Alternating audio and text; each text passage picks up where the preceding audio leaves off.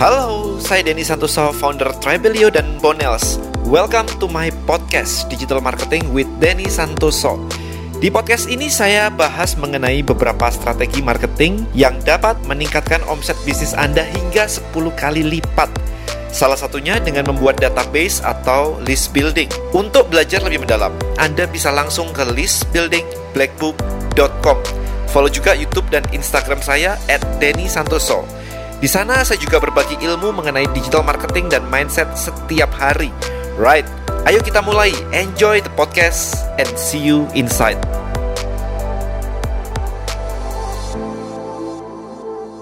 Oke, okay, guys, ini pertanyaan yang masuk ke saya kemarin tuh banyak banget kayak, oke okay, Den, um, aku udah bikin tribe nih, udah bikin komunitas nih. Gimana sih caranya ngajakin orang masuk?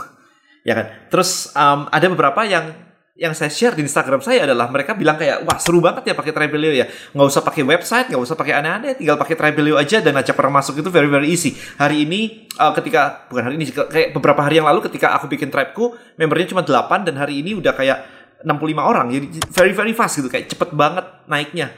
Nah ada dua jenis orang yang satu mudah banget untuk bikin tribe dan bikin rame yang satu lagi itu kok sepi ya kuburan ya Nah ini ini saya breakdown. Jadi beberapa hari ini memang saya breakdown terus-terusan kayak begini supaya uh, untuk menemukan apa sih sebenarnya rahasianya untuk ngajak orang join itu supaya gampang banget.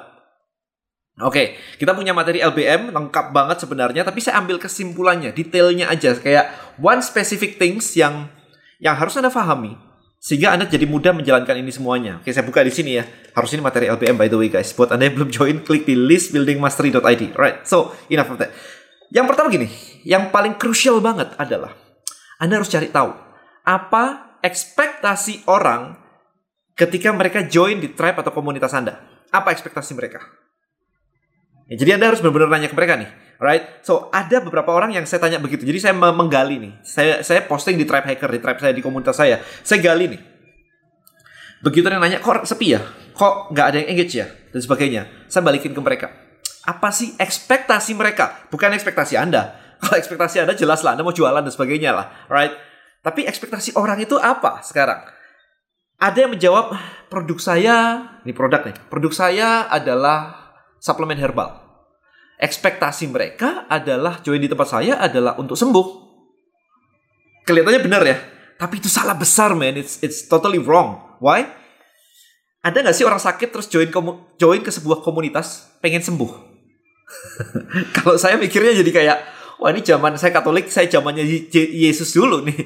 Ngumpul ketemu khotbah bareng minta disembuhkan sembuh gitu kan. Hari ini kalau Anda ada sakit, Anda nyarinya apa? Nyarinya dokter bukan komunitas.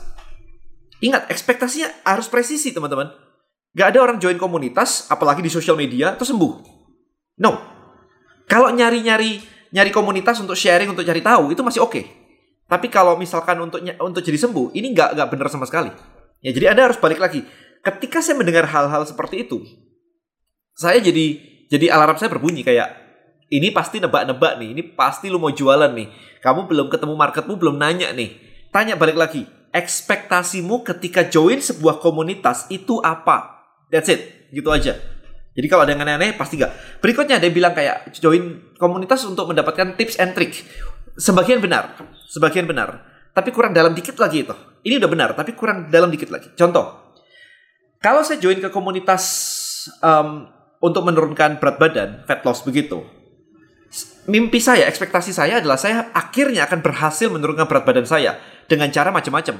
Di situ sharing tips and trick, mungkin ada suplemennya, mungkin ada catering dietnya, it's okay. Ya jadi tips and trick sudah lumayan mendekati, tapi kurang dikit lagi. Anda harus menemukan angka 10 kilonya tadi. Kayak saya join komunitas ini karena saya pengen turunin berat badan saya. Sebenarnya itu. Itu yang harus Anda dapatkan tuh. Mereka pengennya apa? Dengan cara ada tips and trick, ada sharing dan sebagainya, ada case study, ada testimonial. Itu oke. Okay. Tapi jangan jualan caranya. Jualannya mimpinya ini dari ekspektasinya ini. Mereka maunya apa? Right? Jadi itu. Jadi tips and tricks udah lumayan. Kemudian ada juga mengatakan kayak orang join ke komunitas saya untuk cari template dan template apa pun itu sih. Kayak fitness tadi juga ada templatenya kan. Untuk olahraga misalkan. Olahraga itu templatenya ada kayak begini, begini, begini untuk fat loss. Atau untuk diet. Makan pagi, makan siang, makan malam. It's okay. Template juga oke. Okay. Kita sering menyebutnya lead magnet. Tapi kurang dikit lagi. Karena kalau Anda nggak tahu, balik lagi, tidak tahu ekspektasi ujungnya, template ini mau dibuat apa sih? Dia butuh template untuk apa? Gitu kan? Bukan butuh template selesai, dapat template selesai, bukan. Dia dapat template untuk apa? Nah ini Anda harus ketemu nih. Sehingga ketika ini ada ketemu, maka di dalam diskusi di dalam sebuah tribe, it's very easy. Kayak apa sih challenge-mu menuju ke sana? Apa sih kesulitanmu nurunin berat badan? Udah langsung deh. Kalau orang punya ekspektasi nurunin 10 kilo, kemudian join ke sebuah komunitas, kemudian disapa, kemudian ditanyain, apa sih kesulitanmu nurunin berat badan 10 kilo? Mau masa nggak jawab sih? Aneh banget kalau nggak jawab. Jadi aneh banget kalau komunitasnya tidak aktif. Aneh banget malahan, ya kan? asal ini semua ekspektasinya ini clear. Oke, jadi ini ini yang harus ada ada cari. Nah, pesan saya terakhir adalah ketika Anda mendesain ini, mendesain ekspektasi dan sebagainya, um, jangan menebak-nebak. Karena ketika Anda menebak-nebak, saya udah ada alarm di kepala saya ketika ngebacain kayak begitu, udah kayak, oke, okay, ini pasti belum ketemu market, pasti masih nebak-nebak. Ini kayaknya memang pengen jualan, jangan kayak begitu. Saya punya beberapa teman yang kemarin tuh join Tribelio Kemudian browsing, dia nyari tribe, tribe, tribe, tribe, tribe dan sebagainya begitu. Dan kok banyak ya yang ini ya, yang yang membernya dikit itu isinya jualan doang ya, dan membernya dikit. Ya iya, karena mereka salah melakukannya. Coba masuk yang tribe yang komunitasnya gede-gede, yang rame-rame. Nggak jualan, bukan nggak jualan, tapi mereka itu lebih ke member ini bisa dapat apa sih? Member ini ekspektasinya apa, bisa dapat apa itu terpenuhi semua di dalam komunitasnya. Nah itulah yang terjadi dengan member-member yang luar biasa banyak yang di dalam tribe-tribe besar. Jadi jualan, jadi gimana dong jualannya Den? Jualan itu boleh guys. Itu side effect dari sebuah komunitas yang solid. Kalau Anda sudah punya komunitas yang solid, maka akan pasti akan terjadi jualan. Anda lihat sendiri lah, Kaskus dulunya dari forum diskusi doang, akhirnya ada FJB. Oke, jadi pasti kalau orang ngumpul, ujungnya akan jualan. Anda lihat sekarang um, Facebook, habis orang ngumpul segitu banyak, 2 miliar, 2 eh, ya, 2 miliar orang ngumpul di situ, 2, 2 miliar lebih, ujungnya ada marketplace. Jadi pasti akan ada jualan. Don't worry about jualan. Tapi kalau misalkan Anda benar-benar langsung ngajak orang masuk untuk beli produk Anda, nggak akan works. Karena orang ekspektasi orang kalau mau beli produk bukan ke komunitas, tapi ke marketplace. Jadi siapkan wadah. Komunitas adalah sebuah wadah untuk orang-orang berkumpul, berdiskusi tentang sebuah ide dipimpin oleh satu leader. Idenya kayak begitu, makanya kita nyebutnya tribe dan Anda pemilik tribe, kita nyebutnya adalah chief. Ya, jadi sebagai chief, Anda harus paham. Emang kalau sebagai kepala suku, Anda mau jualan ke suku Anda begitu, langsung jualan begitu. Yuk join komunitas saya karena saya mau jualan. Siapa mau masuk? ya kan? Kalau orang mau beli, mereka ke marketplace. Mereka ke pasar. Kalau zaman dulu bayangin suku-suku zaman dulu gitu.